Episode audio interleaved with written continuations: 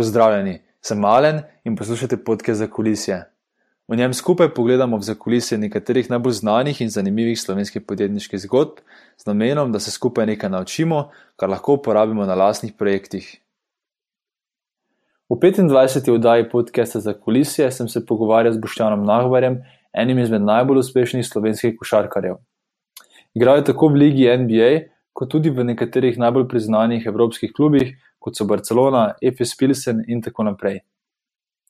Čeprav mogoče košarka na prvi pogled ni povezana s podjetništvom, obstaja veliko sporednic, ki sem jih skozi sam pogovor iskal oziroma poskušal narediti. Um, tako da boste opazili, da smo v pogovoru včasih zašla v bolj košarkarske teme, vendar je v njih veliko analognih zgodbic in znanj, ki so relevantne tudi za podjetnike. Konkretno smo se z Boštjanom pogovarjali o razlikah med najboljšimi evropskimi in NBA klubi, v smislu tega, kako so organizirani, kakšne vloge so v klubu in podobno.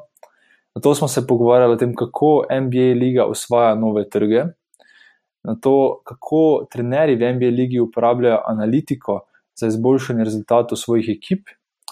Na koncu pa smo se pogovarjali tudi o samem pomenu predrznosti v karieri. Imamo pa še eno izredno obvestilo. In sicer po zelo produktivnem letu 2017 uh, in 25 objavljenih podcastih sem se odločil, da za prvo polovico leta 2018, torej tam nekje do poletja, uh, nekoliko zmanjšam frekvenco, tako da bom sedaj nekaj mesecev objavil samo en podcast na mesec.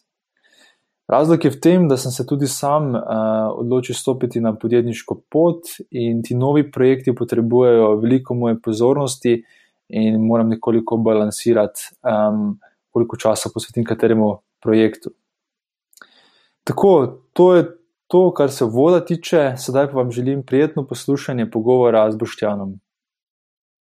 Veš, kaj me zanima, če sem na začetku, uh, kje se začne tvoja zgodba kot profesionalnega košarkarja?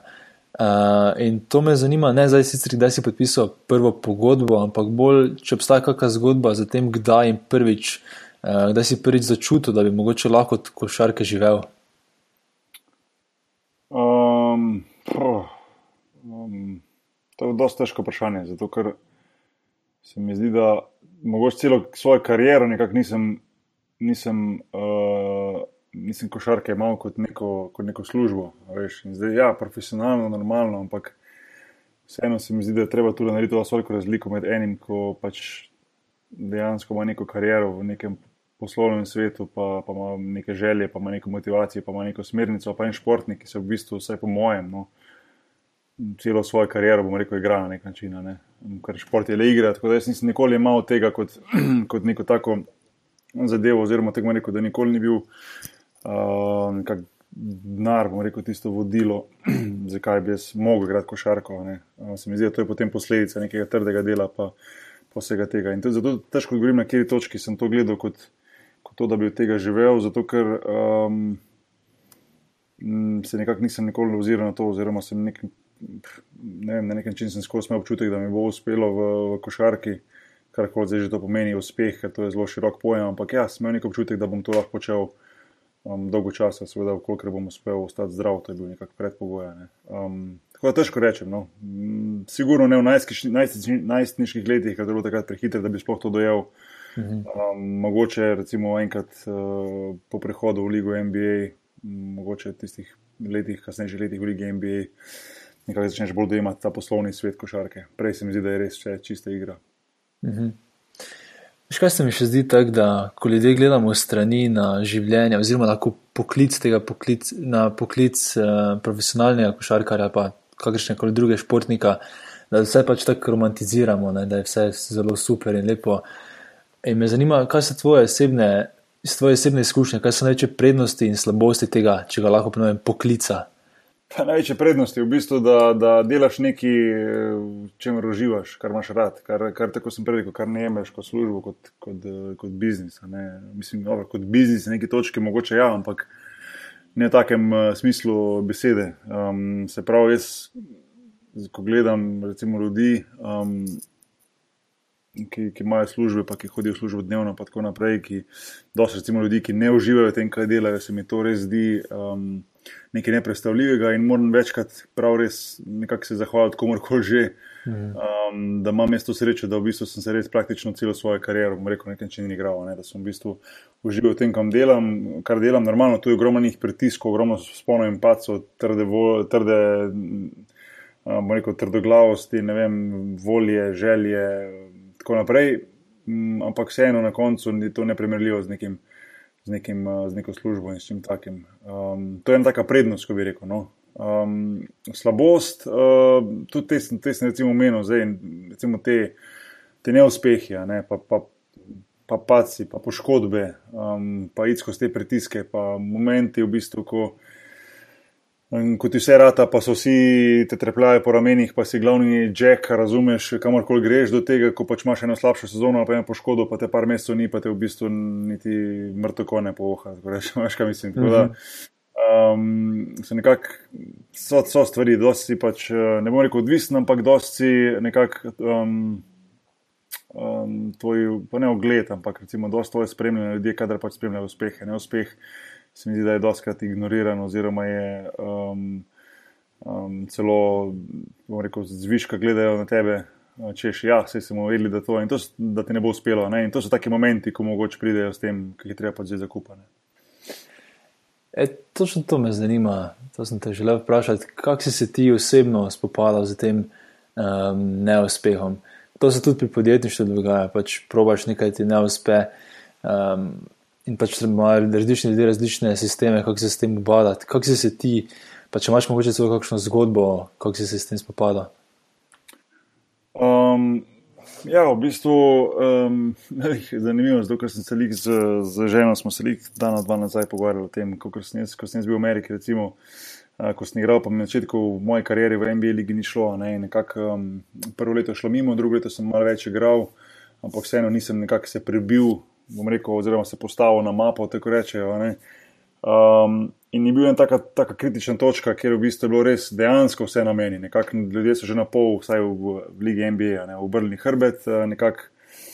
Uh, ni bilo več tistega entuzijazma okoli mene, ni bilo več tistega, ne vem, uh, tako je zraven tvojega imena, tistega prislova v smislu, to je pa talentiran Evropejc, ki mu bo uspelo, ja, najboljši, da, da. In Um, potem spoprijeti se je samo s tem, da, da skušaš naprej verjeti v sebe in da še bolj močno zagrizeš, ne, in da še bolj močno treniraš. In predvsem pa se mi zdi, da ja, kolikor imaš stanje, talent, uh, potem manjka samo še volja in pa ta motivacija, ki mora priti kljub neuspehom. Ne.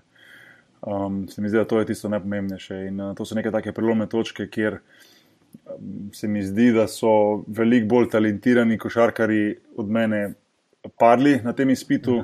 Um, tisti, ki so bili pa verjetno manj talentirani od mene, pa tudi marsikaj naredijo boljšo kariero, ker je bil še bolj trnost, pa bolj motiviran, pa mogoče še bolj samozavesten. Tako da to so taki momenti, se mi zdi, ki, ki te mogoče lahko definirajo ali tako ali pa drugače. E, zdaj smo se že parkrat tudi dotaknili tega poslovnega vidika, pa biznisa. Pa tega. Um, in pred kratkim si na Twitterju zapisal, da si bil pri Detroit Pistonsih, ne? kjer si se učil o tej poslovni plati lige NBA. Kaj si se naučil? V bistvu, uh, dobro, poslovna plat, ja, ne, ampak ne za poslovna plat v smislu, ne vem, um, kako ne vem, klub, oziroma rekel, ja, klub, recimo, da trojki si pridobivajo sponzorje in kako oni mar delajo marketing in kako oni organizirajo evente. In tako naprej. Niti ne to, v bistvu, jaz sem se učil biznis košarke, se pravi, tako rečejo američani, front office work, ne, se pravi, kako zgleda izgledajo NBA pisarne, kar se tiče košarke, ne? se pravi, basketball operations, kot rečejo oni. Se mhm. pravi, kako, kako razmišljajo o igravcih, kako um, ocenjujejo svoje igravce, kako pregledujejo market okoli po ligi um, ali pripravljajo kakšne potencijalne trade, um, kako ocenjujejo svojo ekipo, kaj funkcionira, kaj ne. ne? Seveda, tu je direktno vse povezano s pogodbami in, in z določenimi pravili, ki to potegnejo znotraj tega salary capa oziroma omejitev oziroma budžetov, ki jih imajo. Tako da, ja, na nek način to je biznis, seveda. S tem sem da to mogoče malo drugačen biznis, kot ga mogoče ljudje poznajo, ki delajo vem, ali v marketingu, ali v oglaševanju, ali v bankah, ali v tako naprej. Tako naprej ja, je pa tudi to biznis, vsaka šarka je biznis, kakorkoli že pogledaš. Ja, itak, se to je glih zanimivo, se to bi rad glih uh, slišal od tebe. Um, torej, to, kar si videl, ne? mislim, kako bi to primerjal, mogoče, da tako začnemo, to, kar si videl tam v MBA, kako bi to primerjal z nekim velikim evropskim klubom, kaj je drugače? Se mi zdi zelo neprimer, ne, neprimerljivo. No. Um, pač drugačen način dela, zdaj bom pa povedal, kako to izgleda. Ne. V bistvu imaš ti prvo kot prvo normalno.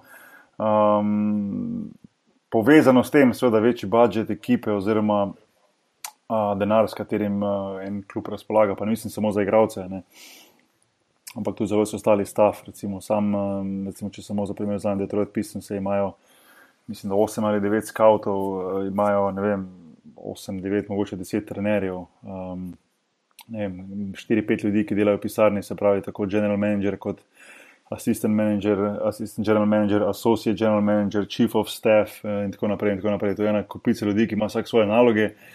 Um, kar je bilo pa posebej všeč, je bilo pa to v bistvu, da je general manager, se pravi, uh, glavni, ki vodi vse to, Jeff Bauer. Um, vsako jutro smo imeli sestanek um, pred treningom uh, in uh, smo šli skozi dnevne točke, zdaj odvisno, kaj so bile. Ne? Ampak mi je bilo predvsem všeč to, recimo, ta nekakšna hierarhija, ki obstaja, ja, ampak vseeno, da je recimo general manager dal besedo praktično vsakemu. Tudi meni, ki sem bil tam na obisku, ne? glede določenih stvari, v katerih se niti jaz ne smem spuščati, ker so mogoče nekako rekel poslovna tajnost, kar se tiče -hmm. določenih igralcev in tako naprej. Ampak, oziroma mnenja o igralcih in tako naprej. Ampak on je dal besedo vsakemu. Seveda, jaz sem ga potem vprašal na koncu, sem rekel, da se mi zdi, on je meni v bistvu vprašal, kako se mi zdi ta, ta izkušnja. Sem rekel, da se mi zdi zelo zanimivo, da on si vzame čas. Da prisluhne vsakemu stafu, tudi tistim, ki smo v bistvu bili tam samo na obisku in smo bili del ekipe, recimo za tistih deset dni. Pa je rekel, da mi je en zanimiv odgovor dal. Je rekel, le, je rekel, jaz Jaz, ko pridem na sestanek, pa recimo, da imam noter deset ljudi, uh, jaz moram dati vsakemu priložnost za, za, za besedo, da pove svoje mišljenje o določeni temi. Uh, je rekel, to predvsem zato, zato, ker devet od njih lahko reče eno in isto stvar, deseti pa lahko nekaj, na kar še jaz nisem pomislil, mi pove in mi da idejo, in ta ideja lahko reši, pomaga, vem, uh, spremeni situacijo, v kateri smo zdaj, kot klub. Mhm. Tako, to se mi zdelo zelo zanimivo. No. Seveda on si skrbno zbira ljudi okoli sebe in ve, koga ima okoli sebe, ampak nekako to me je presenetilo, ker če gledam ta evropski sistem, nekako imaš vedno tistega enega alfa mail varianta človeka v klubu, ki, ki vodi vse, ostali pa tu bote, pa se, sete se pa tih, tiho bote. Ne. Tako nekako uh, mogoče mal, mal, mal pretiravam, ampak si, si predstavljaš približno razliko. Torej, ena ta velika razlika, ta mindset, drugo pa tudi roli, kaj si, oziroma ti, te vse različne vrsti ljudi, ki so v MBA-ju, ki v, v evropski košarki ni. Kaj je en bil tako zanimiv, mogoče ta rol, ki ga v Evropi ni, pa, pa je tam pač zelo spoštovan. Misliš kot uh, funkcija?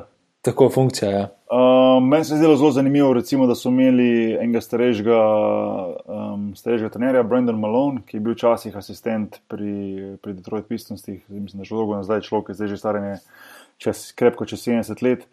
Ampak on je dnevno tam in ja, bo kdo rekel, le je star, je, je, je že na pol, uh, spi med treningom, to ti zgleda, ampak človek je bil, človek je bil dnevno upet v košarko več kot po mojem 50 let, pa mogoče 60 let. Ne. Ima neverjetno veliko izkušenj, videl je maso igralcev. In on lahko z enim stavkom, z eno besedo, z enim, z enim, z enim opažanjem vidi eno stvar, ki je doben od ostalih 10 ali 20 ljudi, ki gledajo trening, ne more videti. Ne. In on to potem pove general managerju, uh, in seveda, on lahko da bo eno idejo, stotih mogoče njegovo porabo, ampak on je tam zato in je plačan za to, da gleda, Se pravi, on je nekakšen svetovalec uh, in, in, uh, in to je njegova, to je njegova služba. Ne. Se mi zdi, da uh, pri nas uh, v Evropi, vsaj po mojih izkušnjah, je ta funkcija praktično ne obstaja. In uh, se mi zdi, da so ljudje enkrat, uh, ko pride nov, nov, rekel, nov režim oziroma nov stav v klub, potisnejo vse ostale na stran in čau in adijo in mi delamo po svoje naprej. Um, nekako ni, te, ni tega, mogoče, ne bi rekel, spoštovanja do starejših, da ne bo slišalo, kot da zdaj gre samo za starejše, ampak gre za nekoga, ki ve dosto o košarki, ki je tam zato, da, da pomaga. Svojo besedo se ne usiljuje, ni pameten, ni, ni ne govori čez druge, ampak opazuje in daje ti se svoje drobtinice zraven, ki so pa večkrat pri takih stvarih izjemno pomembne. Kaj pa je, je mogoče kakšna stvar, v kateri bi rekel, da so pa evropski klubi bolj napredni? Um, pri, pri evropskih klubih mi je veliko bolj všeč to, da je nekako, uh, ne morem reči, to pri klubih, mogoče pri samih ekipah, je to, da v bistvu vse bolj timsko, vse je bolj nekako to povezano, da, da smo mi eno, mi smo skupaj v NBA, je, je košarka precej um, nekako na. Na taki individualni stopni, bom rekel, ne vem, prideš na trening, ko delaš, greš domov, na, na, na, na potovanju isto, prideš v hotel, vsak svojo sobo, vsak ima svojo večerjo, boš šel do sobe, boš šel kam ven, jaz ni važno, jutri ob desetih je bus za trening in ti odiš, kar hočeš. Ne. Tako zelo si nekako na svojem in ni, ni toliko tiste, tistega občutka pripadnosti neki ekipi, kot je v Evropi. To, to mi v Evropi veliko bolj všeč. Uh, je pa res, da je treba, da tu ima tanka linija med enim in drugim, da treba tudi paziti, da ne pride recimo po neke prenasičenosti. Ne. Zdaj, če nekoga ti gledaš deset mesecev vsak dan po šest ur na dan in z njim nekako uh, stečeš, se loviš, se igraš proti njemu ena na ena, treningu pet na pet, ne vem, ga potiskaš, on tebe vleče sem tja, zelo hitro pride do neke prenasičenosti, do določene osebe ali pa določenih oseb, tako da je treba tu malo paziti, ampak vseeno se mi zdi, da je nekako ta pristop ekipe malo boljši. Zato pa v bistvu imaš ekipe v NBA, kot se recimo San Antonijo, ki ima nekako mogoče malo boljši, malo bolj evropski pristop. Um, pa verjetno so to še katere ekipe, ki, ki, ki grejo bolj to smer, um, ki uh, se mi zdi, da delajo pravo stvar, da, da skušajo ekipo povedati in jih nekako pripeljati do tega, da igravci sami dojamejo, da, da brez ekipe ne bo uspeha. Ne. Mhm. Ej, pa to, ko si prej razlagal o tem mindsetu, da ljudje so bolj odprti za feedback v MBA, pa tudi zdaj, to, kar si zdaj omenil. Me zanima, če to si opazil tudi zdaj, mogoče pri trenerjih v NBA, da so tudi bolj odprti do igralcev, da dajo nek feedback o, o tem, kako se igra razvija ali pa za taktiko. Ja. Se je to že začelo? V Ameriki je veliko bolj, no. čeprav tudi v Evropi se mogoče glede tega malo situacija, mm, se malo situacija popravlja, ampak um, se mi zdi, da v Ameriki vseeno imajo ta pristop, da so nekako bolj po eni strani bolj direktni do igralcev, po drugi strani pa bolj odkriti, bolj prija, prijazni. Ja, tudi na nek način prijazni, zato da se igralec počuti čim bolj lagodno, da lahko potem daje svoj maksimum. Seveda se dogaja v NBA, da ti imaš super vem, priprave, super igraš prvih par tekem, pa pa naenkrat, brez da bi ti trener rekel, ne igraš več. Oziroma obratno, ne igraš en mesec in potem bum, si v rotaciji, tako igraš. Mm. Brez nekega opozorila, to se seveda dogaja, in, in ti si tam profesionalci, ti moraš biti vsak dan pripravljen, da daš svoj maksimum, in doben ti ne bo prej rekel, seveda v primerih ti bo, ampak ne rabi ti prej povedati, da danes boš pa igral, danes pa ne boš igral in tako naprej. V tebe se, v tebe se pričakuje, da si profesionalec. Ampak vseeno nekako se mi zdi ta transparentnost, um, pa to, ta, ta odnosi med igralci in trenerji veliko boljša, veliko bolj odkrita, veliko bolj sproščena. No? V Evropi se mi zdi, da je prevelik ta gap med, med stafom oziroma trenerjem in igralci. Vse prevečkrat, no in to mi nekako ni všeč. Zakaj pa je to tako?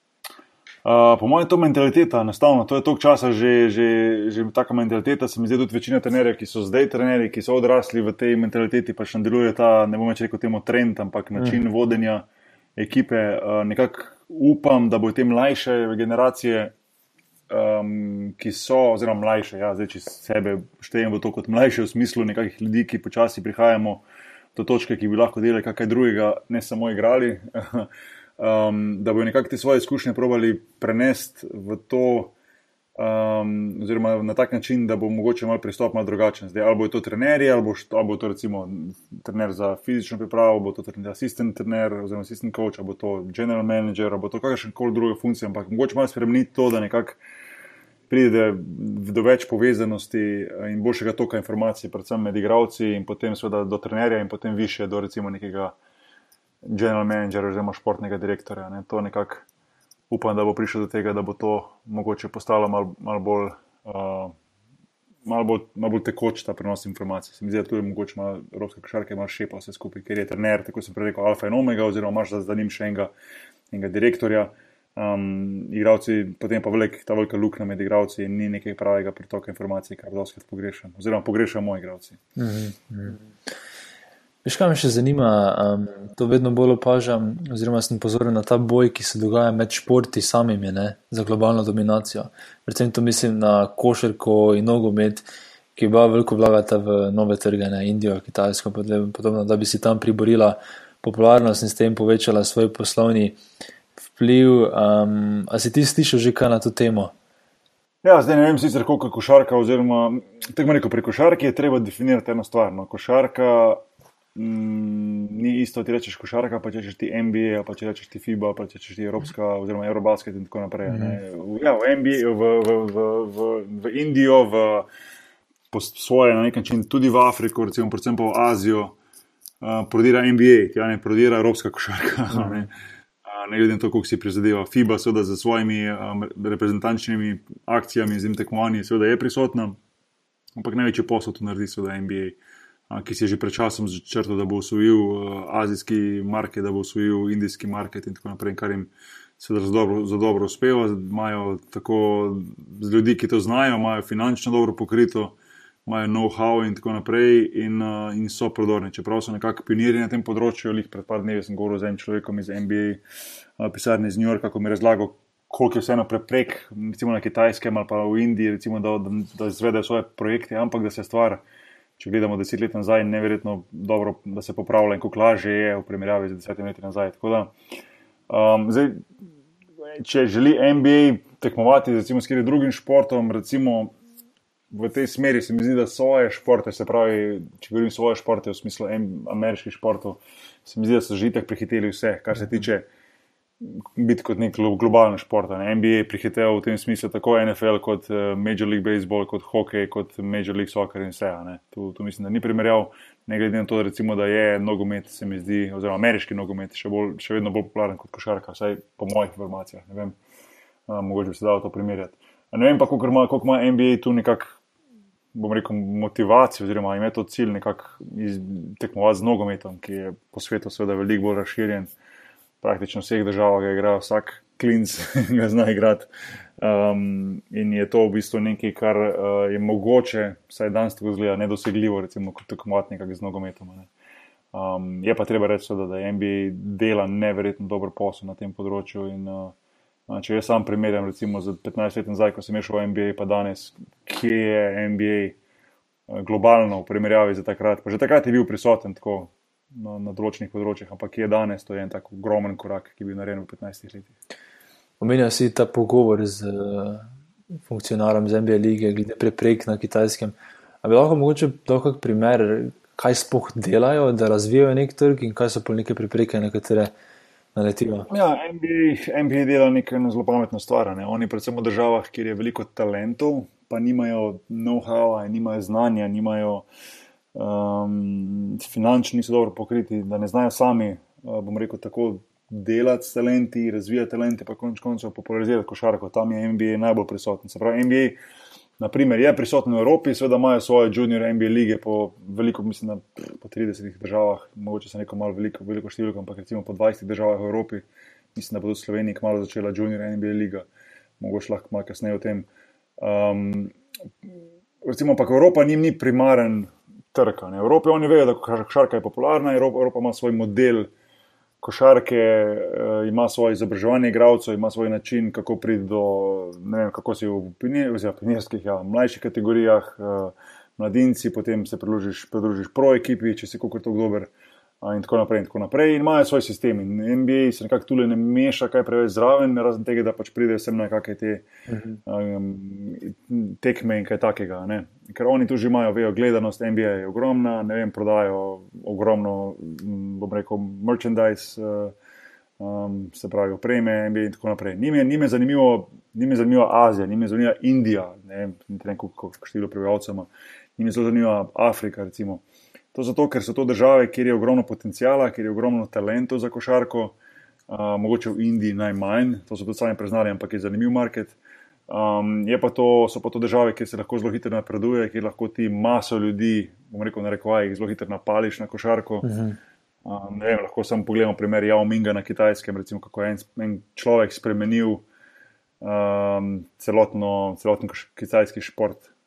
Mislim, to, kar je uspelo, recimo, Jao Mingo, dolgo ne bo uspelo dobenemu drugemu zemljanu. Se spomnim, ko sem igral z njim, kako breme je človek nosil in kaj je delo vse za Kitajsko, zato da je danes v bistvu Kitajska oziroma košarka postala eden najboljših, če ne mogoče najbolj popularen šport v Kitajskem, v katerega ogromno vlagajo, ampak kjer je še veliko preprek, glede na njihov način dela in razmišljanja in tako mhm. naprej. Po drugi strani imaš pa tu Afriko, ki je pa nabita z, z, z mladimi igravci s talenti, ki pa seveda ne morejo priti do nekega znanja, ker tega nimajo. In tu NBA sodelujejo in odpirajo te uh, development centers oziroma development centre, uh, kjer oni pripeljajo svoje trenerje, kjer imajo svoje treninge, kjer si igralci lahko pridejo tja, lahko trenirajo, lahko napredujejo v upanju, da jih najde ali kak evropski klub, da jih vidi ali da vidi kak količ, ki jim je zanimiv ali seveda najbolj. Uh, zlasti scenarij, da jih odkrije kak NBA klub, kar sem prepričan, da, da če, še, če se še ni zgodilo, se bo kmalo. Uh -huh. Ej, ena stvar, ki me še zanima, tvoj komentar, je ta razlika med ligo NBA in nogometom, kar se tiče uh, salary capa oziroma izplačevanja plačne. Kaj misliš, da je, kateri sistem je bolj pravičen uh, oziroma boljši? Ker po eni strani ti ta salary cap sistem omogoča, uh, da celo mogoče lažje, da ohraniš nekatere zvezde, ne? ker mu niti nikjer drugje ne morejo plačati toliko več kot pri nogometu, po drugi strani se pa pač dela ta v nogometu to veliki, velika razlika med bolj bogatimi in manj bogatimi. Kako na ti to gledaš? Ja, jaz sem, jaz sem zelo pro salary cap. Okay. Zelo, zelo, zelo. Zakaj? Jaz sem, jaz sem eno tako mogoče, sem povedal, zakaj sem eno mogoče tako malo čudno žel, želel, da mogoče, ko bomo enkrat eh, sil pa star, da bomo enkrat doživel, da bo tudi Evropska liga oziroma Euroliga oziroma karkoli že bo, da bo uvedla salary cap. No. To, to je moja nekak, nekak želja.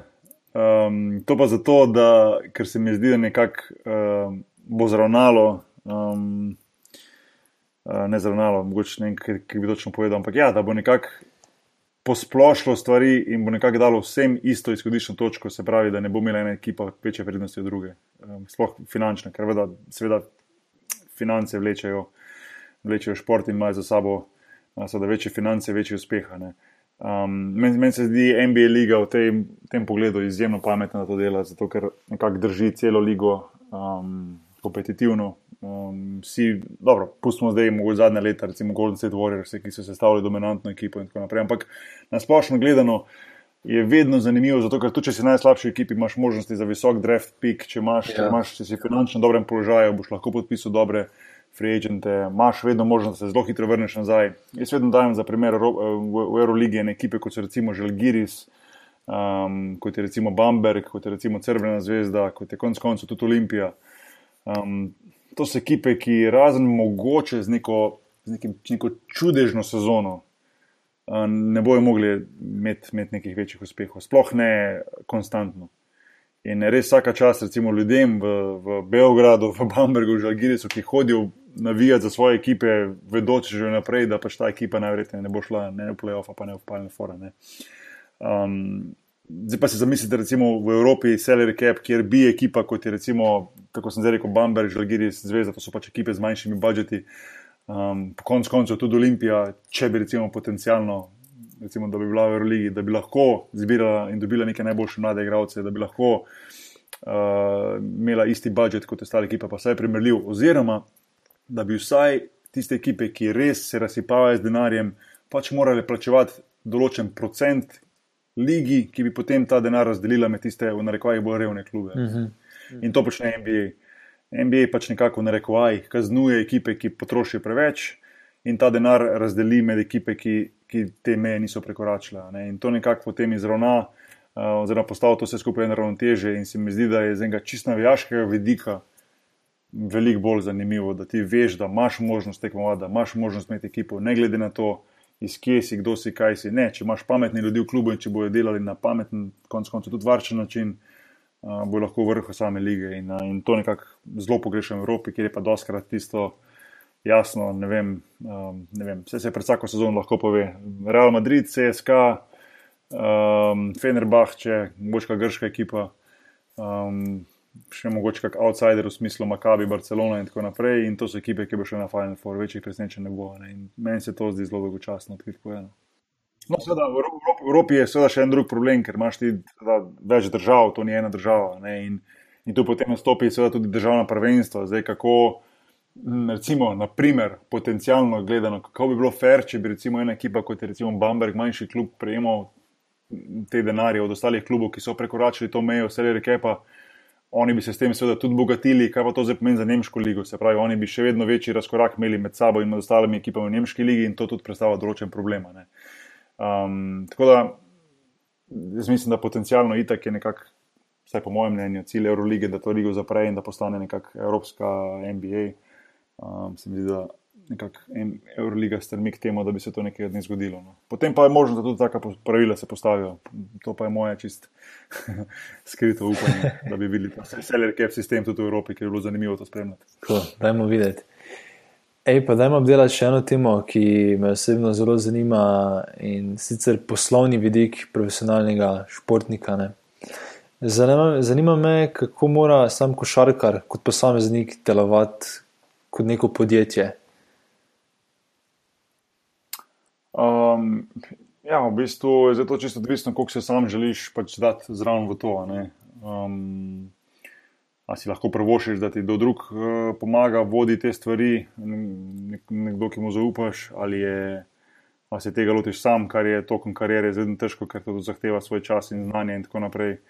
Um, in pa seveda, da si pač postaviš neke stvari tako, da lahko na dolgi rok potem deluje. Seveda, šport oziroma košarka specifično je zelo nehvaležen v tem smislu, da nikoli ne veš, da se tvoja karijera lahko konča. Lahko si najbolj talentiran igralec na svetu, pa pred 20 zaključiš kariero zaradi XY različnih stvari, ali pa tvoja karijera stara 20 let, pa nisi na koncu zaslužil to, da, da moš iti potem po 20 letih naslednji dan v službo. Ne. Tako da je to zelo, zelo težko reči. Se mi zdi, da je pač, ja, več, čim več izobraževanja na tem področju, tem boljše.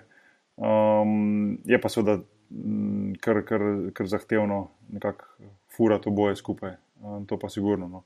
Recimo se mi zdi, sploh v Ligi NBA je to veliko bolj urejeno, ker vse ponavadi, recimo, uh, imaš ljudi, ki ti pomagajo s tem in ki ti svetujejo in ki te nekako, uh, rekel, tudi bremzajo, če je treba pri določenih stvarih. Uh, je pa res, da obstajajo ljudje, ki, ki delajo nasprotno temu, ki izkoriščajo igralce in ki, uh, oziroma športnike in ki živijo pač ravno na, na teh uh, napakah igralcev. To pa tudi obstaja. Še, še prevečkrat. To mi malo piše, kaj torej prav v podjetjih, ne, v, v klubih, uh, imaš ljudi, ki ti pomagajo s to zadevo, te malo bremza, kaj če preveč zapravljaš. Ne, ne, ne, niti ne v klubih, klub s tem nima nič. V bistvu moraš tam pač priti do teh ljudi oziroma spoznati ljudi. Mislim, doskrat, ne vem, ali ti kakšni agenti to svetujejo, ali kakšni kolegi, ali kakšni drugi igravci. In pač potem se skušaš obdati z ljudmi, ki jim lahko zaupaš in ki ti lahko pomagajo pri vsem tem. Um, Seveda, um, to je pač zdaj odločitev, oziroma stvar vsakega posameznika, kaj se odloči delati, kako se odloči delati, uh, kakšno smer hoče iti, uh, kaj želi delati s svojimi sredstvi in tako naprej. Um, Máš morda kakšno anegdoto ali pa primer, od katerega so igralci iz NBA, na, kako izgleda ta njegova ekipa okrog njega ne, in na kakšne vse načine se je držil? Um, Ja, mislim, seveda, te zvezdniki NBA imajo, imajo kar nekaj ljudi okoli sebe, zato ker enostavno sami ne morejo in otegnejo in znajo vsega tega delati. Um, zdaj, normalno, te ljudje ne hodijo s tem igravcem z roko v roki vsak dan uh, na trening, pa nazaj domov, ampak um, se verjetno tak igravc srečuje z njimi takrat, ko ni treningov in ko ni teka. In tako naprej, tako da teh ljudi nekako niti ne vidiš, oziroma jih ne spoznavaš, vsaj tako dnevno. Ne. Um, so pa nekje, so pa nekje zraven in seveda pomagajo. In, um, Uh, Seveda, dosti krat ima igralec uh, tako svojega PR-ja, um, se pravi za public relations, uh, ki mu svetuje, kaj ja, katere intervjuje. Naj, mislim, poleg razno obveznih, ne obveznih intervjujev, seveda po tekmah in tako naprej so za vse igralce enake, ampak potem, uh, kje se pojavlja, kje ne, ne vem, kakšne te appearances, se pravi paid appearances, recimo greš nekam pa dobiš določeno vsoto, zato da si se tam pojavil, slikal, delal autograme, govoril, karkoli že um, seveda tisti bolj zvezdniški igralci, do določenih reklam, do določenih fotoshootingov in tako naprej. In, tako naprej. Uh, in tu moraš imeti za sabo ekipo. Zdaj, doskrat igralci imajo celo nekoga, recimo, blizu sebe, je to, ne vem, od igralca brat, ali je to mogoče njegov bratranc, ali je to njegov najboljši prijatelj, nekdo, ki mu res, res zaupajo. To, če mogoče nima toliko dobrega znanja, ampak vejo, da mu lahko zaupajo, in ker pač ta igralec nima toliko časa, potem oni delajo za njega odločitve, um, ki pa seveda so vedno, oziroma naj bi bile vedno iste, kot bi jih igral sam na redu. Zato pa se ponovadi nekako tako delo zaupajo oni tistemu, ki pa če njim zelo blizu um, in ki, ki jim lahko na tak način pomaga. Tega sem videl dosta, recimo v Ameriki. No. Um, kaj je bila mogoče tvoja najbolj taka riskantna uh, podjetniška poteza, če si jo imel, ne, če si imel kak projekt, ki si jo naredil uh, iz poslovnega vidika? Um, nisem, jaz v bistvu se nisem tako, um, enostavno, ker nisem izobražen na tem področju, se sam nisem spuščal nikoli v neke, neke biznise in neke dolgoročne zadeve, kaj takega. Um, delal sem, uh, mislim, delal sem stvari, mogoče, ki jih počnejo, če se, če se igralci, se pravi, nekako pošparati nekaj denarja in, in potem s tem pač uh, si nekaj dati za, za, za, za prihodnost, nekaj za zdaj, nekaj, nekaj vložiti v, v kakšne določene zadeve, ampak nič takega, recimo, da bi rekel, da sem se spuščal zdaj pa v nem, da sem odprl restauracijo ali pa da sem uh, delal to ali pa tisto, ne vem. Um, uh, to nekaj enostavno sam, ko sem rekel, nimam tega znanja. Um, nisem imel tega znanja uh, in uh, tudi zato mogoče uh, me zdaj privabi študij, ki ga delam prek uh, ameriške univerze v Newcastlu, pač uh, business management, ravno zaradi tega, ker bi se rad tudi malo izobrazil na tem območju, da vidim, kako cela stvar funkcionira. Um, se mi zdi, da je to zelo pomembno, ker sem prevečkrat sam videl igralce, ki so nekako um, zaupali drugim ljudem in, uh, in vlagali denarje, potem pa nekako ni bilo povratka. Um, tega se, tega se seveda dogaja, to se dogaja ogromno. Vse, po drugi strani pa imaš tudi zgodbe uspeha, ko so igralci znali vložiti denar v prave stvari v pravih momentih in iz tega vam potegnili um, lepe denarje. Um, se mi zdi, ampak na koncu, jaz ne vem, jaz nikoli nisem imel nekih takih hudih idej, pa nekih hudih želja, pa nekaj ne vem kaj. Meni je bilo vedno važno, da se imam jaz fajn, mm -hmm. da se imam družina fajn, pa da s tistim, kar imamo, da lepo uživamo. Nekih večjih planov vsaj za enkrat nisem. E, to planiranje, ki si omenil, to se dotakne enega izmed mojih vprašanj. In sicer se mi zdi, da pač profesionalni košarkari, pa ostali športniki, morate dosti več razmišljati o nekem pokoju, kot pa nek poprečen državljan, ne? ker ste pač malo bolj prisiljeni v to. In z tega vidika ste kot neki ekstremni uporabnik, oziroma pač neki ekstremni user, kar se tiče tega pač planiranja za pokoj. Me zanima, če si v samem tem procesu naletel na neke zanimive um, na svete, karkoli, kar bi mogoče delil tudi z ostalimi, ki sicer nimajo za športne karijere, ampak vsega samega vidika, da se že prej začnejo zavedati te tematike. Um, ja, dobro, mislim, življenje športnika, oziroma karijera športnika, je res specifično. No? Ker pač se konča, pač ko se konča, in takrat se bo tudi življenje drastično spremenilo, tako glede samega igranja oziroma nastopanja, uh, kot glede samih seveda, plačil in tako naprej. Um, zdaj, važno je, seveda, da, da, da se nekaj stvari privrčuješ in da imaš um, nek, nek plan za, za prihodnost. Um, se mi zdi, da še bolj važno kot to je pa nekako, da, da ostaneš aktivno v smislu, da, da, da, ne, da ne rečeš, ah, zdaj imam pa ne vem, na pamet govorim, 100 jurjev. Pol milijona, milijon, kar koli na strani, zdaj pa jaz, ok, zdaj pa mhm. noge v luft, pa gremo. Um, tu se mi zdi, da se je dosti igralcev upeklo, oziroma dosti športnikov upeklo, um, da nekako so par let um, bili na, na izi, tako rečemo. Um, potem pa naenkrat je postal problem, da pa treba bo spet začeti služiti, pa nekako te ali vsi pozabijo, ali nisi več aktualen, ali niti ne znaš stvari delati, in potem nastane kriza. Da, um, jaz sem bil proti koncu karijere že začel gledati naprej, kaj bom delal naprej. Um, nekako šarka me, me veseli. Uh, rad bi stal blizu košarke, ni pa izključen, da bi tudi šel delati mogoče kaj drugega. Um, ampak uh, se mi zdi, da je važno, predvsem, da imaš nek plan, ne toliko glede samih, samih uh, sredstev, ampak bolj plan, kaj početi kasneje in kako priti do nekega samozadovoljstva, tega, da lahko nekaj delaš uspešno naprej. Zato, ker športniki smo zelo, bomo rekel, specifični folk, zato ker smo navajeni delati, da je adrenalin, da so cilji, da je motivacija, da nas nekaj žene, da so sponi, da so paci in si skušamo, oziroma vsaj v večini skušamo nekako postaviti življenje po aktivni košarki na podoben način, da bomo ostali nekako. Da bomo ostali stimulirani, pa da bomo ostali motivirani, kar koli že bomo počeli, da bomo vsaj en procent tega še vedno lahko kušali naprej, ker se mi zdi, da samo na, tak način lahko funkcioniramo naprej, normalno in zadovoljno. No, zdaj, če se že omenil za tem, me zanima, kako se pri tebi ta, to planiranje, kaj boš počel po aktivni karieri, uh, kako se je razvijala čez čas ne, in kje je zdaj ta ideja? Um, ja, zanimivo je predvsem to, da jaz dolgo časa v bistvu nisem imel neke želje biti v košarki, po košarki. No, jaz sem v bistvu, ko sem bil mlajši, pa govorim mlajši, recimo 10 let, recimo tam 20, 25, mogoče tudi do malo pred 30, zdaj imam 37, mi grede. Um, Um, nekako me ni vleklo v košarko, v smislu, da ko bom nehal. Jaz sem rekel, ne, ko bom nehal košarko, bom šel delati nekaj drugega. Potem pa se mi zdi, da nekako po 30. sem vedno bolj začel razmišljati, um, da mogoče je pa košarka tisto, kar bi mene um, pritegnilo po karieri. Um, predvsem predvsem um, delo v, v nekih resnih klubih, organizacijah, um, kjer imaš te stvari, kot sem jih prej omenil, se pravi, nekakšen cilj, motivacijo, pritisk in tako naprej. Um, seveda se zavedam, da na igrišču ne bom uh, več, oziroma ne, ne bom več dolgo, če spoh še bom. Um, ampak ob igrišču pa vseeno lahko najdeš stvari, ki so, ki so super za košarko. Zdaj, ali je to delo z mladimi, pa ne mislim za 8-9 let starimi, pa tako z mladimi 20-22 let, ta leta, ko so v bistvu najbolj pomembna za, napred, za napredovanje igralca. Um, ali ali uh, delo kot kakšen um, general manager v kakšnem klubu, se pravi vodja kluba.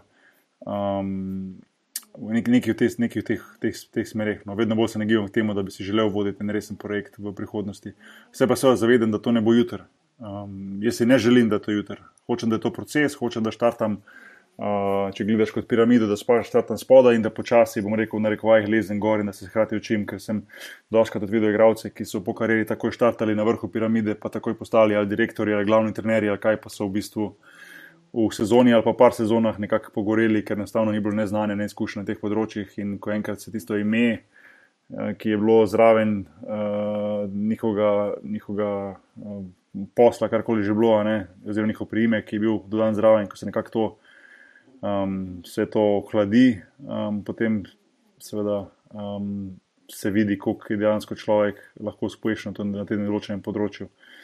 Um, tako da jaz si ne želim tega, jaz si želim iti, rekel, počasi postopoma in upam, da pridem enkrat do, te, do vrha te piramide. Zdaj si se dotaknil te teme razvoja mladih eh, kadrov. To se mi zdi tudi ena tema, ki je zanimiva za poslušalce, ki so tudi bolj v podjetniški smeri, ker je podobna zadeva, ne razvoj kadrov ali pa za razvoj športnikov, so neke analogije. In, in zato bi te vprašal, no, bom tako začel. Zadnjič sem jih bral, da si pač kar navdušen nad tem celem procesu razvoja mladih igralcev. Teda me zanima, kaj ti misliš, da so najpomembnejši aspekti pri razvoju? Ha, um... Mislim, da je to široko vprašanje. Zato, ja, te... in, in začni kjerkoli želiš. Ja, um, ja, vem, predvsem, uh, dobro, zdaj, katere stvari so važne. Normalno, hočeš ali nočeš, to je važen nek, nek talent. Ne? Um, seveda, so ljudje, ki se strinjajo in rečejo, da ja, talent je najvažnejši, oziroma zelo, zelo, zelo važen. Imáš pa ljudi, ki rečejo, da je talent je en procent, vse ostalo, ostalo je trdo delo. Ne? Jaz sem videl oboje v svojem življenju. Jaz sem videl igralce, ki so imeli neverjeten talent uh, in neverjetno, de, neverjetno voljo do dela, in jim je uspelo, ali pa jim ni uspelo. In sem videl igralce, ki so bili brez talenta, pa z ogromno volje, pa jim je uspelo. In prav tako sem videl ogromno igralcev z veliko volje, največ volje na svetu, pa nič talenta, pa jim ni uspelo. Tako da ni nekega recepta ne, za to. Um, jaz mislim, da talent vseeno mora biti prisoten, ker to je nek predpogoj ne glede na to, pač, kar ti počneš. Če boš hočeš biti, ne vem, igrati v orkestru, moš imeti nek talent, da znaš igrati flauto, če hočeš biti še kaš, moš imeti nek talent, da znaš uh, občutiti igro. Uh, in tako velja za ostale stvari. Um, se pravi, to je nekako nekak tak, rekel, predpogoj, ni pa, ni pa edini pogoj. Seveda, trdo delo, pa želja, pa motiviranost mora biti. Uh, naj, najtežje je gledati mladega igralca, ki je v bistvu neverjetno talentiran, pa nima volje do košarke. Um, to se mi zdi, da je taka priložnost, uh, vrženost v koš, uh, ki, je, ki je sploh za ljudi, ki imamo radi košarke, pa ki radi vidimo igralce, da jim uspe in da so mladi in talentirani in da radi delajo. Nam je težko to videti, ampak tega je ogromno. Ampak se mi zdi, da če ti sam kot mlad športnik nimaš predvsem želje um, do tega, da boš uspešen v košarki, potem tega ti doben drug ne more dati. Ne. Um, talent ti lahko dobiš od data, ata in mame, ampak želja mora biti pa znotraj tebe tega se mi zdi, da, da se ne da kupiti in, in naučiti. Um, potem je seveda teh aspektov, aspektov je več, vem, do, do seveda, sreče pri poškodbah, do izbire pravih klubov, pravih trenerjev, uh, kasneje do tega, da, si, da se obkoliš z ljudmi, ki ti znajo svetovati na prav način.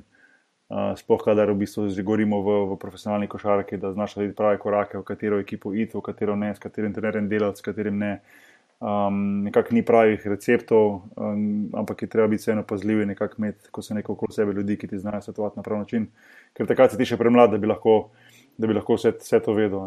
Um, ampak uh, najbolj važno je pa, da, da nekako verjameš v sebe kot mlad igralec in da, in da trdo delaš. Uh, to so nekako tisti, rekel, tiste stvari, ki so, ki so zelo pomembne. Kaj pa so te neke veščine, ki bi, če bi ti, na primer, oblikoval nek program, ne, za razvoj mladih igralcev, kaj so neke veščine, tako v sami košarki, kot tudi psihološko gledano, ki bi jih hotel najbolj razviti? Ja, mislim, košarka je, je ekipni šport. In znotraj tega ekipnega športa imaš ti seveda ljudi, ki so večji ali pa manjši individualisti, ampak vseeno se mi zdi, da nekako igravce, s katerimi bi jaz delal, bi si predvsem želel, da nekako dojamejo, da ja. Individualno boš ti dosegel koš, boš ti vem, naredil odlično obrambno akcijo, boš ti naredil, naredil skok, boš ti uh, naredil to, to, to kar koli že lahko govorimo o statistiki, ampak ekipa zmaguje. Nekako dopovedati igralcem, kako važno je, da, da sodeluješ z ekipo, da, da delaš z ekipo, da imaš ekipo na svoji strani in da si nekako sprejet, tako na igrišču, kot izven igrišča med ljudmi. Se mi zdi, da to je izjemno, izjemno pomembno. Um, redko vidiš igralce, ki so, ki so totalno, um, bom rekel, da niso, da niso simpatični, da niso prijazni, da niso prijateljski. Pa jim uspe. Se mi zdi, da takih igralcev, govorim za ekipni šport, ni, ni veliko. Oziroma, Um, ostali igralci nimajo užitek igrati z, z igralcem kot je taka. Se mi zdi, da to je, to je zelo pomembno. In, ja, imaš te ekstremiste, imaš te igralce, ki jim je zmaga in, in uspeh bolj pomembna kot vse skupaj, ampak še vedno znajo za sabo potegniti ekipo in znajo za sabo um, potegniti celo organizacijo. In um, se mi zdi, da to so tiste prave veščine ali pa vrline, no, kako že igralcev, ki bi si želel, da se naučijo. Poleg seveda samega košarkarskega znanja. Kaj pa mogoče kakšna nenavadna veščina, ki bi posvetil pozornost v tvojem kampu, ali pa šoli, ali pa klubu? Jaz bi rekel obnašanje zunaj igrišča, se mi zdi. No, pa ne morem reči, da je to nenavadno, ampak to se mi zdi zelo pomembno, da v bistvu nekako spoštuješ vsakega, pa si prijazen vsakim. Zato, ker mm, se mi zdi, da se mladim to težko dopovedati, ampak življenje, ki se ne vidi, da se to, kar zgodi, da v bistvu biti prijazen z ljudmi. Pa, um, pa se jim, pa se jim zahvaliti za vsak za, za stvar, pa jih rekel, prositi za stvar, ne pa kot rekel, športnik, ki ti uspe pričakovati, da bo vse samoumevno. Um, to so stvari, ki so zelo pomembne, ker se mi zdi, da se ti potem lahko vrne krat sto nazaj, um, ali dobro ali pa slabo, odvisno kako se dela z ljudmi. In, uh, um, predvsem na kampu, ko delamo z otroci, seveda rdeča nit je košarka in si želimo, uh, da ta mali naredijo en, en mali mini korak naprej v tistem tednu, ko smo skupaj. Uh, Seveda si ne delamo iz iluzij, da bomo delali Michael Jordan v enem tednu, ko se mi družimo poleti, ampak če se pa oni naučijo delati, oziroma spoštovati ostale, pa bolj spoštovati trenerje, pa učiteljice na kampu, pa svoje, bom rekel, svoje gradce, pa tudi tiste fante, pa punce, ki jih spoznajo tam. Um, to so pa stvari, o katerih se na kampu pogovarjamo, ker se mi zdi to zelo pomembno, da je nekakšna ta socializacija, pa, pa nekakšno spoštovanje ostalih, ker um, se mi zdi, da je to tudi nek zelo pomemben um, predpogoj za, za enega uspešnega športnika. Govorilo se o tem, da boš kmalo postal scout, pa pustimo to zdaj na stran, če je res ali ni res. Ampak me zanima, če bi ocenjeval, oziroma kako ocenjuješ igralca. Ne? Kaj so ti še tiste, zdaj si par teh stvari omenil, ampak mogoče še bolj kompletni odgovor, kaj so vse tiste stvari, ki bi jih opazoval pri igralcu, ki bi ti bile najbolj pomembne. Uh, ali pa kaj so pa tiste stvari, mogoče ena, dve, ki večina ljudi daje pomen, pa se tebi zdi, da niso tako pomembne. Um, ja, zdaj, odvisno od vsakega zornega kota gledaš. Če ti skotiraš za NBA ekipo, potem gledaš igralca, ki bo lahko nekega dne igral v Ligi NBA. Če ti skotiraš za. Mm, dobro, vem, da nimajo skavtov, ampak razumeš moj point. Če ti skotiraš za nekoga iz ene tretje avstrijske lige, če gledaš nekaj drugega. Ne, Se, ne da bi rad kogarkoli zdaj uh, disrespektoval, ampak mislim, razumeš moj point. Ok, recimo z vidika NBA lige, sedaj gledaš igralca, na kak način dojema igro, se pravi, kako je njegovo dojemanje igre v smislu, kako hitro dojema igro, kakšna je njegova reakcija. Um, kaj to pomeni, kaj to pomeni, kako dojema igro? Da vidiš, da so njegove napake, se pravi, da, da, da recimo igralec lahko, ko se recimo žoga prenese z eno stran na igrišče, kako hitro dojema, ali mora pomagati na drugem igralcu, ali ne, ali mora zapreti prostor, ali ne ali lahko žogo, ki je mogoče možno prestrešiti, ali uspe priti do nje, ali zaradi tega izpade ven z igre. Mhm. Um, ali recimo, če gre na skok, ali dejansko lahko dobi skok, ali ne vem, se mu zgodi, da na vsako tekmo po trikrat izbije žogo svojemu soigravcu in jo dobi nekdo drug. Ne? Mhm. In tako naprej, in tako naprej, in tako naprej. Se pravi, tisti instinkt in ta reakcija. Um, Sveda, atletika je zelo važna, oziroma atletski del, se pravi, koliko je igralec fizično hiter, močen, skočen. Um, čeprav to ni vedno glavni pokazatelj, ampak doskrat je, sploh pri Ligi NBA, ki se igra zelo hitro um, in zelo, bom rekel, up and down, ne samo gor pa dol po igrišču, ampak tudi vertikalno. um, veliko bolj kot recimo evropska košarka. Um, in pa seveda potem gledaš igralčevo znanje, ki nekako, bom rekel, za talente, seveda si že vejo. Se za najboljše talente v Evropi, oziroma za najboljše igralce v Evropi, že vsi vejo, koliko je dober, če gre levo, koliko gre če desno, kak procent ima za tri, kak procent ima za dva in tako naprej. Nekak način kreira med za tri, za dva. To so vse statistike in stvari, ki jih nekako načeloma že vsi vejo. Kar pa kot scout želiš vedeti, pa kak je pa igralec, ko gre ven iz igre. Kako odreagira, ko date ven, kako odreagira v zadnjih minutah igre kako odreagira, če recimo dobi dva faula hitro na začetku tekme, a se zna potem zbrati, pa dobro odigra tekmo. Kaj se zgodi, ko enkrat zapusti dvorano? A gre domov, pa se pripravlja na sedem tekmo, a gre domov, a gre v klub, a gre na večerjo, ki potem se konča ob šestih zjutraj, ali uh, igra video igrice tri dni skupaj. Ali, a veš, so take stvari, ki jih skuša zvezati, zato ker so zelo pomembne, zato ker na nek način so v NBA ligi že videli tako maso igralcev, da z vsemi temi podatki vsaj približno znajo predvideti, v kakšno smer bo šla njegova karijera, kaj se tiče uh, določenih obstranskih zadev, tudi, oziroma na katere stvari morajo paziti kot klub, ki zbere tega igralca. Tako da to je ena masa stvari, ki se gledajo, ki se iščejo. Um, ni enega recepta, ja, ne, um, ampak tiste stvari, ki jih povidiš na televiziji, ja, danes je zadev koš ali pa ga ni, to itak vsi vidimo. Ti moš kot scout, kot NBA scout videti videti nekaj več, rečem temu. No. Kako priješ do vseh teh podatkov, kar se tiče izven igrišča? To potem moraš biti dokaj blizu temu klubu, ali kako to poteka? Ja, to so dost, uh, dost važni, so recimo kontakti oziroma relacije in uh, nekak um, poznanstva so pomembna v klubu, da si že dlje časa sodeluješ, oziroma ne sodeluješ, da poznaš nekega trenerja, mogoče si, si dober z nekim bivšim soigralcem, ki je zdaj trener ali pa ki je zdaj GM. Mhm. Ne, mogoče poznaš starša od igralca, mogoče poznaš brata od igralca, mogoče poznaš soigralca od tega igralca, ki te zanima in tako naprej. In ti potem pač na nek način pridobivaš te informacije in, in skušaš, skušaš zvedeti čim več, da nekako um, se eliminirajo presenečenja, predvsem to. No. Mhm. Ne, ne bi rad, da, ti, ne bi rad, da se ti kot skavt zgodi, da ti celo leto govoriš ekipi, zamo tega, zamo tega, ja, dober je, to ima to, to, to, to, to, to, to, vse to, to, to, to. Ne vem, potem pa se zve, da je, zdaj bom pretiraval, ampak prikriti alkoholik. A veš, kaj mislim? Mm. Pa tega, ni tega, pa tega podatka nisi ekipi uspel dostaviti.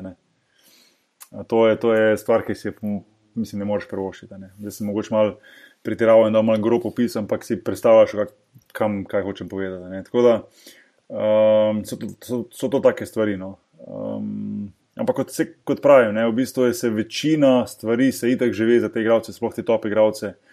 Um, je pa zdaj tudi res, ne, da včasih so mogoče skavti imeli ne lažje delo, imeli so težje delo, ampak imeli so lažje delo v smislu, da so lahko odkrili kakšne talente, kot recimo Dirk Novitski, ki je prišel v NBA ligo iz druge nemške lige.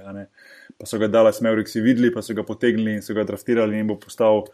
Hall of Famer v Ligi NBA. Mhm. Danes tega skoraj več ne moreš narediti, zato ker enostavno je prenok, prenos informacij tako močen po celem svetu, da bi res moral biti že en mali čudež, da ti ugotoviš, da je nekje v Belorusiji v eni dvorani trenira en talent, ki je neverjeten in ki ga samo ti poznaš in ki ga priporočiš klubu NBA in ga zbere in postane Hall of Famer. se mi zdi, da to danes, danes ne obstaja več. No. Oziroma, bi res mogel biti malo čudež, da neko, nekdo nekoga tako odkrije na tak način. Kaj pa je potem, torej, če se vse ve, če se vsi ti podatki že vedo, ne? kaj je potem dodana vrednost za njega, skauta? Um, predvsem to, da, da, da znaš um, poleg um, dostavljanja vseh teh informacij delati, recimo, primerjave z igravci. Se pravi, kako bi pa ta igralec bil v primerjavi z tem, ki ga že imamo v ekipi, kako bi pa ta igralec bil v primerjavi z igralcem, ki lahko zbran v istem draftu kot on, na isti poziciji. Kako je ta, veš, se pravi, to so pa potem stvari, ki nekako, vsaj po mojem mnenju, lažje vidimo tisti, ki smo bili v košarki in ki smo dejansko igrali košarko nekaj časa, ker znamo to doživeti čisto drugače kot nekdo, nekdo, ki je košarko naučen iz knjige. Um, so stvari, ki enostavno so kot je instinkt, oziroma kot je ta feeling, ki ga nekako ti gledaš tekmo in v tistem trenutku, recimo, saj jaz vem, kaj se igralci počutijo, vem, kaj čutijo, vem, kaj si želijo, vem, kaj mm, ali poraz ali zmaga, kako že. Um, se mi zdi, da ljudje, ki pa nikoli niso igrali tega športa, pa se mi zdi, da tega vidika enostavno nekako ne morejo, ne morejo videti. No. Vse to je moje, moje mišljenje. No. Um, Imajo so druge prednosti, um, ampak tega, tega pa se nekako, si upam trditi, da nimajo iste kot recimo mi, ki smo uh mhm. -huh. igrali košarko na najvišjem nivoju. Ne. Jaz sem že parkrat slišal um, zgodbice ali pa nekaj članke, sem prebral o tem, kakšne superiorne, neke statistične analize, vse obstajajo v NBA-ju, kar se tiče teh igralcev, pa tudi kar se tiče igralcev, ki že igrajo tam.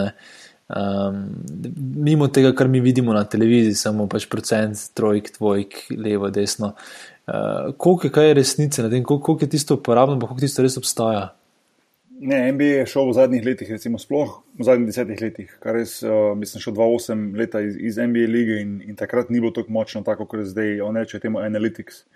To je v bistvu ena poglobljena statistika, ki je, ki je v bistvu ti res daje ogromno enih informacij, eni ljudje se bolj zanašajo na to, eni manj. Jaz sam nisem pristaš tega, ampak moram isti sabi priznati, da tega tudi toliko ne poznam.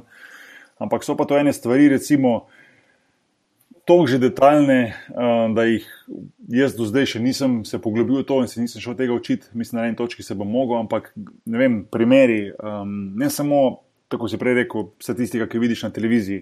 In ne samo statistika, ki jo mogoče vidijo nekakšni trenerji, ki rečejo, da ja, je ta pa levo boljši kot desno, pa desno gre bolj. Ne, že toliko močne statistike, s katerimi igralcem je ta bolj uspešen, če sta istočasno na igrišču, katerimi, kako je njegov, kakšen je njegov kocijent, recimo, vem, uh, obrambnih v določenih situacijah, kdaj je dober v obrambi, če gre žoga na kakšno stran, če gre žoga pod kakim kotom, če gre žoga na kateremu igralcu, če gre za obrambo.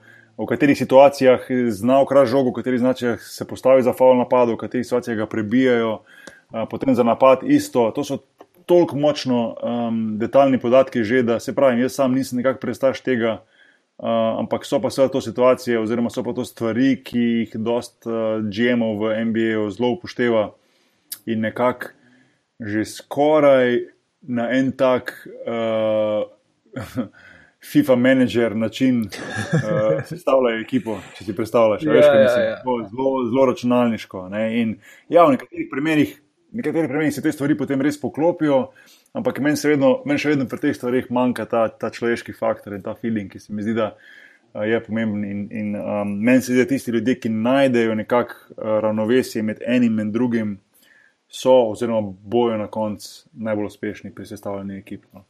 Pa to uporabljajo samo GM-i ali uporabljajo tudi to trenerji. In če uporabljajo trenerji, potem me zanima, kako sploh imaš čas, sit, ko so to Ne, um, trenerji v bistvu na koncu dobijo samo tisto, tisto smetano na koncu, veš, tisto vrh, tiste najbolj pomembne podatke. Vse tisto ostali, ostalo imajo čez te ali analytics guys ali so video koordinatorji in to so ljudje, ki spremljajo maso enih podatkov in izsekov iz tekem in, in mini podatkov in uh, mikropodatkov in tako naprej, ki potem trener hoče vedeti, le za tega igralca hoče vedeti v tej situaciji, on naredi to, to, to, to, da imi podatke in potem bo zvedel, ne vem, procentualno v tej določeni XY situaciji, on naredi 31% naredi to, 30% naredi to, ne vem, 30% naredi to in tako naprej. Um, trenerji v MBA nimajo časa za, za, za vse te podatke, tam se tekme prehitro vestijo, trenerji imajo nalogo, da pripravijo ekipo za naslednji dan za, za tekmo, naredijo video analizo nasprotnika, naredijo game plan. Uh, Morajo se ukvarjati z svojo rotacijo igralcev, kateri bojo na igrišču, kateri ne s poškodbami, in tako naprej. Uh, sem pa prepričan, da seveda določene informacije pridejo do njih, sploh tiste, ki jih sami zahtevajo. Uh -huh, uh -huh. Ja, zelo zanimivo. Um, Pošteno gre samo v par končnih vprašanj, še, uh -huh. um, ki niso nujno vezane na podjetništvo, niti na šport. Um, torej, kot prvo me zanima, kakšen svet bi dal sam sebi pri 20 ali pa 25 letih. Zberi sam, kaj ti bolj paše. Um, Po, po eni strani, da bi še bolj užival v lifeu samem, no, um, pa ne mislim to zdaj žurenje, pa se to, ampak še bolj nekako dojemo. Čeprav sem videl, da sem ogromno tega nekako vsrkal v sebe, teh informacij in teh doživeti in tega, ampak, ampak še bolj, no, ker v bistvu imaš eno kariero in en life in to gre zelo hitro mimo. In, uh, uh, v bistvu, kot da bi bil včeraj šele draftiran na draftu leta 2002 je bilo. Um, in pa mogoče ne en kak drug na svet, uh, malo več, več predrznosti in več tega, več te nekako. Um, um, te, ne lahko preklinjamo tem podkastu, ja, ampak ja, ta I don't give a fuck mentality. Uh, sem videl, da se prevečkrat sem mogoče se preveč razmišljal, malo preveč o prihodnosti, pa malo preveč, kaj bo, a bo mi uspelo ali ne, kaj, mi, kaj bo, če mi bo uspelo, kaj ne, kaj če mi ne bo. Ne. Bolj živeti za tisti dan, ki je pred tabo, pa nekako se fokusira samo na tisto. Se mi zdi, mogoče mi je v določenih momentih to malo manjkalo. Ali pa, ali pa zdaj, ko sem starejši, gledam na, na to tako. Um, takrat sigurno nisem. No. Um, ampak, če bi, če bi šel še stokrat skozi isto life, oziroma isto kariero, bi stokrat mojem isto naredil. Jaz na koncu razmišljam, iz kje sem prišel. Pa, vem, iz tega, da sem imel za svojim bratom v najmanj troški sobi polepljeno celo sobo z temi emi igravci iz, letih, iz 80-ih in 90-ih, pa na koncu sem ali igral, ali sodeloval, ali tekmoval z, z večino teh, ki sem jih imel polepljenih po stenah, z izjemo mogoče Dražna Petroviča. Uh, se mi zdi, da sem, da sem kar nekaj naredil, tako da bi vse še enkrat isto, po mojem. Imáš kak primer te predrznosti, oziroma kako situacijo, v kateri bi si želel, da bi bil bolj predrzen? Sprašujem pa zato, ker potem si tudi laže mi predstavljamo, kaj točno s tem misliš, pa lahko mogoče mi postanemo bolj predrzni. Ja, mislim, mogoče kdaj je prišlo do, do situacije, recimo, kjer ali nisem, nisem igral, kot sem si želel, pa bi mogel biti na, na treningu večja baraba, pa morda kjer ga malo bolj skomovcem boksent, uh, ko sem šel prodor do tega, da sem pokazal, da sem jaz tu in da si zaslužim igrati. Uh, ali do tega, da ne vem, uh, sem doskrat, uh, um, tako sem rekel, to bom rekel, no, da doskrat mi je žal, da sem spustil kak trening, pa še večkrat mi je žal, da se da nisem spočil, kot bi se lahko. um, in to nekako najti to ravnovesje med tem enim in drugim. Mogoče to ne gre za predrznost, gre mogoče za nek drug vidik treniranja, ampak um, vem, da je mal nelogično, kar sem povedal, ampak ja, prav tako občutek imaš. No. Um, In se mi zdi, da to pride nekako šele z leti in z izkušnjami, in kot mladi igralci, da tega ne veš. Um, ampak se mi pa zdi, no, tako če se vrnem nazaj, da mi je kdaj mogoče malo manjkalo tistega, ta, te fuck you mentality, se mi zdi, da to mi je malo mal manjkalo. Pač tako oseba sem, da sem nekako še prevečkrat rad vsem preveč ustregu in, um, in res prevečkrat postavljal to, ta team first mentality, se pravi ekipo pred sebe kar je sicer zelo pomembno, ampak v določenih momentih vseeno moš prevzeti odgovornost, pa moš narediti nekaj sam in se mi zdi, da mogoče bi kdaj tu mogel več na tem področju narediti, kot sem. Mhm. Ampak kot pravim, to je čist nek tak pogled nazaj in uh, um, vprašanje, če, če bi šel še stokrat skozi življenje, če bi kadarkoli mi to padlo na pamet, ko sem bil star, ne vem, 25 let. Ja, se namen tega vprašanja ni za, da veš za sebe misliš, če bi spremenil kaj življenje, bolj tak za nas druge, ki poslušamo, da dobimo kak. Um, preblisk, ki ga lahko če mi sami naredimo drugače.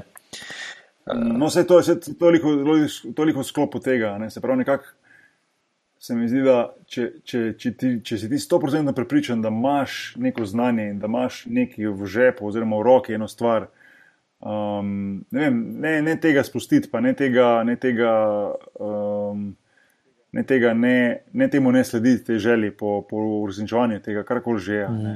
Uh, vem, vem, da, vem, vem, da mislim, če kdo ve, bom jaz vedel, no, koliko je to enih preprek, pa zapletov, pa in poškodbe in, uh, in paci in tako naprej. Ampak uh, nekako gledati naprej, pa videti ta dolgoročen cilj, uh, pa hkrati uživati tisti dan, danes, to je, to je nekako najbolj pomembno. No. Pa nikoli ne spustiti tistega, kar imaš v žepu. Se mi zdi, da to nekako nisem jaz naredil nikoli v svojem lifeu, ker mi je vedno bil, ja, to MBA, mi je največja želja in to nikoli.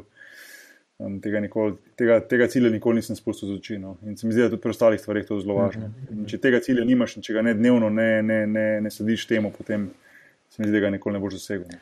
Spet se omenja to uživanje v življenju. Tu smo eno vprašanje, v bistvu, ki sem tega želel vprašati, čisto tako sebično, uh, ampak tudi za poslušalce. In sicer, mislim, ti si živel že marsikje, ne? in v Evropi, in v Ameriki, in um, tudi med podjetniki, pa tudi med mladino, pač danes je to nomadno, uh, življenjski stil pač kar popularen. Eh, zato bi te v bistvu vprašal, a je kako mesto, ki ti je bil še posebej všeč, pa bi ga priporočal mladim, uh, ki imajo službe ali pa podjetje, ki lahko delajo nadaljavo in se lahko privoščijo, da bi živeli uh, kjerkoli, kaj bi ti predlagal in zakaj. Veš kaj, jaz sem nekako imel res srečo življenje, da sem živel v res lepih mestih. No, potem, ko sem živel v Trevizu v Italiji, mojih prvih par let v tujini, kar je bilo v bistvu čist malo izven Benetk, uh, Uh, sem potem živel v ogromnih mestih, kot so vem, uh, najprej Houston, pa potem New Orleans, uh, New York, recimo tri leta, potem Moskva, Istanbul, Barcelona. Uh, to so, nekaterih, so vse ogromna mesta ne? in to so mesta, so, ki so zelo draga. Tako da priporočati mladim oditi v taka mesta je vedno nehvaležen, zato ker se to terja za sabo en zelo visok davek, recimo enega udobnega ali pa lagodnega življenja, ker so v bistvu dnevni stroški zelo visoki za življenje. Uh -huh. Um, recimo, jaz sem imel zelo, zelo, zelo pozitivno izkušnjo življenja. Eno leto sem živel v Nemčiji, v Bambergu, ko sem igral. Uh, način, kako ljudje v Nemčiji dojemajo šport in nasplošno tudi posel s tem, se mi je zdel neverjetno pedanten, strikten, ampak vseeno zelo prijazen, pa zelo odprt, saj moje izkušnje še bile take. No. Se mi zdi, da to vse predstavljam si, da bi mogoče bil recimo en poslovni market tudi podoben v Nemčiji, kot recimo bi športen. Se mi zdi, da so res uh, primerjave recimo z, nem, z Rusijo ali pa s Turki, ki sem tudi igral, so ljudje, ki rečejo, če bo to tako, bo to tako in pika. Mm -hmm. Nekih odstopanj, medtem ko se mi zdi na vzhodu, uh, moraš to imati čist drugače. Um, če to reče, da bo nekaj rejeno danes, moš to malo vzeti za kup, pa vedeti, le, če bo naslednji teden, bo super. Medtem ko recimo v Nemčiji, če bo rečeno, da bo nekaj rejeno danes, bo verjetno danes, ampak ne danes ob šestih popoldne, ampak že devetih zjutraj bo ta stvar rejena. ja. Uh, tako da so, so razlike v, v mentalitetah, sigurno. Um, ja, mislim, New York, mesto, recimo, ki je, si predstavljam, da daje ogromno možnosti. Um, vem, mesto kot je Moskva, recimo, zelo, zelo težko življenje po svoje v Rusiji, ki je že tako diplomatsko, pa poslovno, mogoče malo uh, odmaknjeno od Evrope, poleg recimo samega mraza, pa vsega pa birokracije, dolge in in počasni, ampak vseeno tudi nudi določene priložnosti. Vem, Istanbul, mesto v razcvetu, ki je za mene eno res najlepših mest in ki ima ogromno prijateljev in ki je mesto, kjer me preseneča predvsem to, da vsak človek, tudi tisti ljudje, ki delajo na cesti, pa na vogalu ulice in tako naprej, vsak neki dela. Ni nekako, ne vidiš le nuhov, pa tistih eh, ljudi, ki bi nekako um, životarili, ampak vsak se nekako trudi, da nekak nekaj mhm. naredi. Ne. To me je zelo presenetilo. Um, pa Barcelona, recimo mesto, ki je za mene najlepših mest na svetu in ki je drago mesto, ampak predvsem za ljudi mogoče v turizmu, um, znajo se naj tam, ker je pa turistično eno najbolj uh, zasedenih mest, kar se ni da ali for idu life, ker to je pa taka masa turistov dnevno, da si ne moreš predstavljati. Um, nikoli nisem podkrito povedano gledal preveč nekih poslovnih vidikov teh mest, ampak zdaj, ko mogoče malo gledam nazaj, si predstavljam, da vsako po svoje predstavlja nek, neki ziv, pa neke določene priložnosti je pa se odvisno, koliko si lahko kot mlad človek sam, predvsem privoščiš nek, neko selitev uh, v eno takih mest. Uh, zdaj, dobro, delo nadaljavo, pa to, to je drugo, ampak se mi zdi, da mentaliteta mogoče Zahodne Evrope je vseeno malo bolj. Um, Meni je bolj prijazno, no, kot pa recimo vzhodna. Se mi zdi, meni je bolj, uh, ne prijazno, ampak meni je bolj nakoženo, ker jaz sem rad človek, ki se nekaj dogovori, da se tega drži. Um, tega pa na vzhodu mogoče nisem doživel toliko. Um, nisi omenil Andaluzije, kako pa ti je bilo tam, kaj všeč? Ja, mislim, meni je to, to zelo všeč. To so ljudje, ki so zelo sproščeni, ki, so, uh, ki zelo radi živijo življenje. Ogromno je nekih kulturnih praznikov, verskih praznikov, v smislu, da se družine skupaj dobivajo, da so polne ulice, da, imajo, da je muzika, da se je, da se pije in tako naprej. Uh, mi smo se z družino tu našli, naj postavili naš dom in smo zelo veseli, da smo tu. Um, nekako se mi zdi, da ti zleže pod kožo ta, ta, topo, ta toplo sonce, morje je blizu, ta način življenja. Ne vem, tudi jezik je dosti lahek za naučiti. Da se naučiti, in uh, ko se enkrat nekje počutiš doma, potem se je težko od, od tistega dela premakniti. Sploh, če imaš možnost, da tam ostaneš. Glede na to, da smo se mi v zadnjih, recimo, nekaj letih hrdo selili, uh, je bil čas, da se nekje malo ustalimo in smo, smo na tej zadnji postaji vse videli, tudi ostali, vse za enkrat. Tako da Slovenija še ni trenutno v planu, da se vračate. Slovenija, Slovenija, Slovenija je super, ampak uh, mislim, Slovenija bo vedno na nek način naš, mm -hmm. naš dom. No. Če, če se malo patri, mal patriotsko izrazim, bom rekel, da če ne drugače po naši, našem srcu. No, um, ampak um, enostavno, čisto odkrito povedano, pa mogoče se sliši malo uh, mal grobo, ampak. Mm, bi lahko naredil 20 minut pogovora na to temo, ampak nam je v bistvu nekako teže iti domov se preseliti, kot pa recimo v tujini. Mm, predvsem po eni vrsti meni, pa moja žena, ki smo že 16-17 let živeli v tujini. Po drugi strani pa moji dve ščirki, ki sta obe odrasli praktično v Španiji. Uh -huh. in, mhm. Nekako je selitev domov, bi bil večji šok, kot pa ostati tukaj. Najlepša ti hvala, Boštjan, za čas. Uh, mogoče samo kot zadnje vprašanje še. Um, za vse, ki so uspeli do konca poslušati, uh, kje te lahko najdejo, na spletu, kje si vse prisoten. Ja, upam, upam, da nismo koga uspavali, no, s to debato. Ampak, uh, ja, neč na internetu. No, mislim, uh, Twitter najbolj uporabljam, sem ga vedno, ker se mi zdi najbolj zanimiva platforma. Bok je nahvar na Twitterju, imam si tudi Instagram, isto Bok je nahvar, ampak nekako na Facebooku nisem kaj dosti prisoten. Um, ampak ja, Twitter je najbolj, tako da tam tudi ponovadi, če so kakšne zanimive vprašanja, pa zanimive pogovore, se rado klopim, pa rad zraven delim svoje mnenje, pa tako, tam ponovadi. No. Ja, jaz sem te tudi na Twitterju zahakal, tudi to je moj kar najboljši. Ja, tam, tam, Tam sem največ. No. Mislim, to mi res je ena najbolj zanimiva platforma, kjer na mestu tistih selfijev, pa tistih daktis uh, variant iz Instagrama, se malo izogneš, pa lahko dejansko malo mal prebereš, kaj je zanimivo. Ja, to zdi najbolj zanimiva stvar. Je nič, hvala še enkrat, upam, da si užival. Ja, super pogovor. Lej, se pravi, jaz sem kadarkoli imam možnost, recimo, narediti pogovor drugačen kot pa tisti, ki, ki sem ga bil navaden 20 let, kakšni so občutki po zmagi in pa kaj, kako bo na svetu. Um, Tako da me veseli, da je debata malo v druge vode, se zapele vse skupaj. Ja, pa v bistvu to še lahko povem za vse, ki vas uh, zanima bolj tako šarkaški pogovori, da boš tam tudi snema podcast, imenuje se podrobnosti, tudi ga najdete na iTunesu, pa na vseh ostalih uh, podcast aplikacijah. Teda jaz sem tudi v bistvu ga že preposlušal in, in je res super. Super. Ja, Tako da, nič, hvala. E, hvala tebi. Tako, to je vse v današnji epizodi. Če ti podcast za kulise všeč, te vabim, da se prijaviš na mailing listu na zakulisi.com, da boš obveščen ob objavi naslednje epizode. A ja, pa hvala vsem, ki ste oddali ocene in komentarje na iTunesu. Za tiste, ki pa še tega niste naredili, vas vabim, da mi tako pomagate razširiti besedo o tem projektu, saj z vsako ceno in komentarjem iTunes boljše reagira podcast in ga potem lahko odkriješ več ljudi. Projekt lahko tudi finančno podprete. Trenutno sem ravno v procesu nakupa boljše audio opreme, da lahko zagotovim še boljši zvok in s tem izkušnjo za vas, poslušalce. Ta oprema ni poceni, tako da vsaka pomoč prav pride.